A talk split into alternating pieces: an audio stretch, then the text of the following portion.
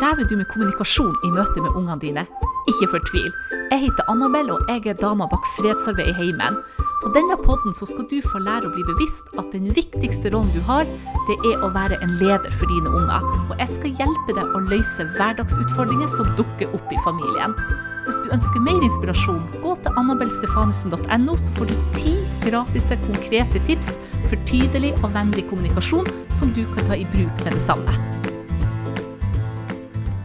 Ja, jeg tenkte jeg må vel dele med deg hva som gjør at du skal lytte på Fredsarbeid i heimen-podden og denne småcrazy nordlendingen. Eh, jeg blir 55 år, og grunnen til at eh, jeg har lagd podkasten, er fordi at jeg driver et konsept som heter nettopp Fredsarbeid i heimen. Og mange, vi har hatt kanskje 60 000 deltakere på våre webinar de siste fem årene, og veldig mange sender til eh, spørsmål til oss, og så spør de Annabelle, hvor er det jeg kan få lytte på podkasten din, og hvor kan jeg få kjøpt boka di? så jeg skjønner at de tar for gitt at jeg har en podkast, og at jeg har skrevet ei bok. så da tenkte jeg at det er viktig at jeg faktisk eh, tar tak i det, og nå holder jeg på med begge deler. Ja, så hvorfor starta jeg med fredsarbeid i heimen? Jo, det var fordi at jeg sjøl har strevd i veldig mange år som eh, mamma. Det begynte med, å si, for jeg var, jeg var 17 år da jeg traff han Dagfinn. Og nå er, blir jeg som sagt 55, så da, for dere som er kjappe i hoderegning, så klarer dere å regne ut at vi har vært i lag i 38 år. Så det er jo en liten verdensrekord her i Nord-Norge. Men i hvert fall fra jeg var 20 og fram til jeg var 34 år, så hadde jeg kun erfaring med det å vantrives på jobb. Og det å Altså, jeg bytta jobb faktisk omtrent hvert eneste år, og av og til så klarte jeg å stå i jobb i fire år i slengen. Og for de av dere som har kjent på det å være frustrert over tid i arbeidslivet, så kan dere kanskje identifisere dere med det som skjedde med meg. Det var at jeg, at jeg begynte å ta disse frustrasjonene også med meg hjem. Sånn at jeg, jeg bruker å si det at han Dagfunn fremdeles gidder å være gift med meg, det er ikke min fortjeneste. Det er som broderen bruker å si, han er så rolig at det eneste han reagerer på, det er strøm. Men eh, så jeg husker som sagt da jeg var 27 år gammel, så telte jeg på fingrene. Så telte jeg 37, 47, 57, 67. 40 år. Og det å være 27 år og begynne å glede seg til du blir pensjonist, det er egentlig litt sånn småtragisk. Eh, men årene gikk, og jeg fortsatte å bytte jobb, og så ble jeg som sagt 34 år.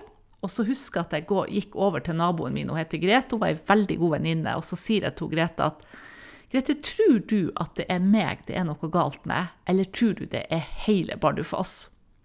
Og hun, Grete hun var ei veldig god venninne, for hun kjekk på meg, og så sa hun Annabelle, det er hele bygda. Det er bare du som fungerer. Og det der det blir jeg aldri å glemme. Jeg husker vi kjekk på hverandre og begynte å hylflire. Vi flirte så vi skreik. Vi lå på gulvet og så på hverandre og tørska tårer. For Grete hadde hørt på meg i, på inn- og utpust over som sagt 18 år og hørt meg klage og syte på alt og alle som jeg var frustrert over. Og så kikker Grete bort på meg og så sier hun, Annabelle, jeg har et forslag. Ta du, og så flytter du til ei annen bygd. Og hvis heller ingen i den bygda fungerer, så kan du begynne å tenke om dette har noe med deg å gjøre. Det der det ble faktisk et sånn turning point i mitt liv. Jeg husker det så godt. Jeg husker at jeg gikk hjem, og så tenkte jeg med meg sjøl Annabel, du er nødt å ta tak i livet ditt. Og kort tid etterpå, på den tida så jobba jeg i en barnehage, så kommer det en kollega til meg, og så sier hun at du har hørt at det skal starte ei gestaltutdanning i Tromsø. Eh, jeg hadde jo ingen formening om hva eh, gestaltutdanning var, men hun må ha sagt et eller annet som gjorde meg nysgjerrig. For i hvert fall så heiv jeg meg på bussen eh, dagen etter, for da skulle det være et sånn introduksjonsmøte i Tromsø. Og Tromsø ligger 15 mil nord for Bardufoss. Jeg husker jeg heiv meg på bussen, dro til Tromsø og satt i to timer og hørte på det som hun Gro Skottun, som den gang var medeier i Norsk Gestaltinstitutt, fortalte om denne utdannelsen. Og det føltes som at den traff meg sånn rett i hjertet, og jeg tenkte denne utdannelsen ønsker jeg å ta. Så jeg søkte og måtte gjennom et personlig intervju. Jeg husker jeg var litt nervøs, for de skulle jo se på en måte om du er egnet til å jobbe som terapeut, eller ja, til å ta den utdannelsen, om du har de kvalifikasjonene. I hvert fall så kom jeg nå inn. Og eh, det var òg en sånn der følelse av ikke å treffe hva skal jeg si, å treffe på skiva, men at jeg traff innertier. Så jeg har faktisk tatt ti år med utdanning. Jeg tok først fire år med terapeututdanning, og så bygde jeg på og spesialiserte meg to år til. Og så har jeg tatt eh, to år veilederutdanning, ett år organisasjonsutvikling og ett år med konflikthåndtering. Og det som jeg ble å elske med den utdannelsen, det var den personlige prosessen som vi måtte gå igjennom. Fordi at filosofien deres er at før at du får lov å jobbe med andre mennesker, så skal du ha jobba grundig med eget materiale. Og det er fordi at du ikke skal være til belastning for de som du jobber med. Så du er pålagt å gå, eller vi var pålagt å gå mye i egenterapi. Og etter hvert som vi begynte å praktisere, så måtte vi gå mye i veiledning. Og jeg elska hele, hele, greia. Jeg elska det å sitte og lære. Og det var mye sånn 'learning by doing', at vi måtte gjøre eksperiment, og så skulle vi drøfte teoriene etterpå. Se hvordan vi kunne relatere dette til livet vårt, til hverdagen. Kjenne det igjen.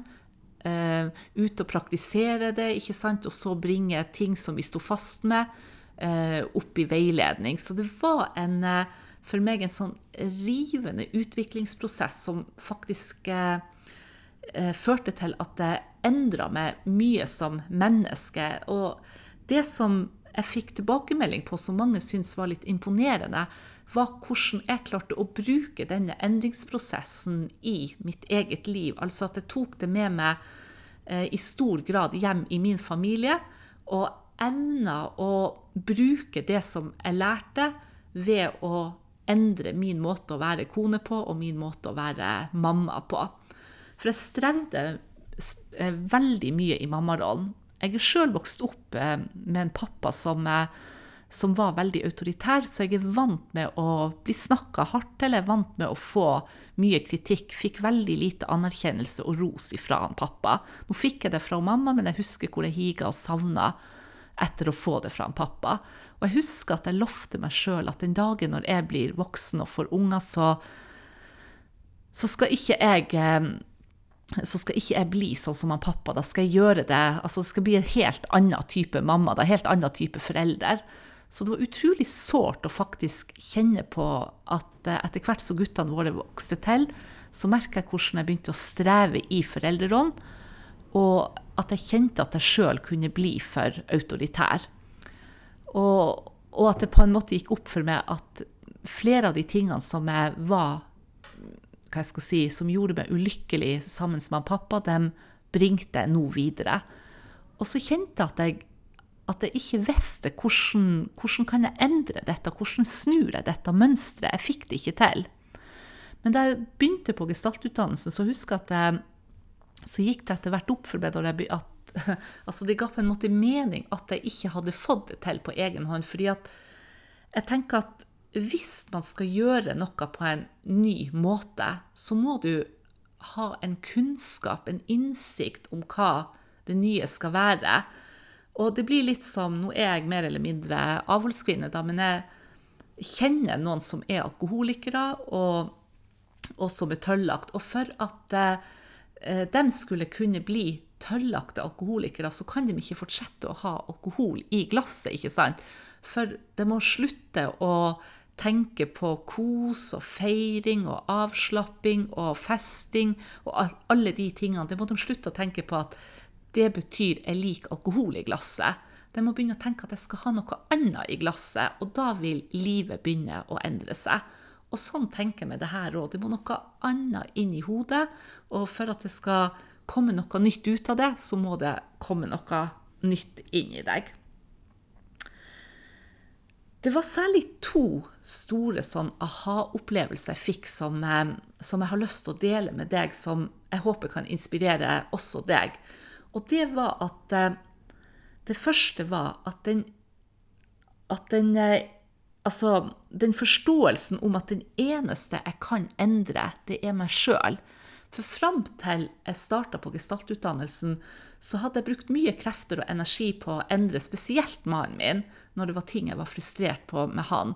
Men også sønnene mine. Hvis det var noe jeg ikke likte at de gjorde, eller måten de var på, så forsøkte jeg på en måte enten å klage, eller kunne kritisere eller kjefte, eller selvsagt også snakka jeg, ba dem om å endre seg. Men jeg så Jeg forsto ikke da, men jeg erfarte i hvert fall at det var ikke i min makt å endre dem.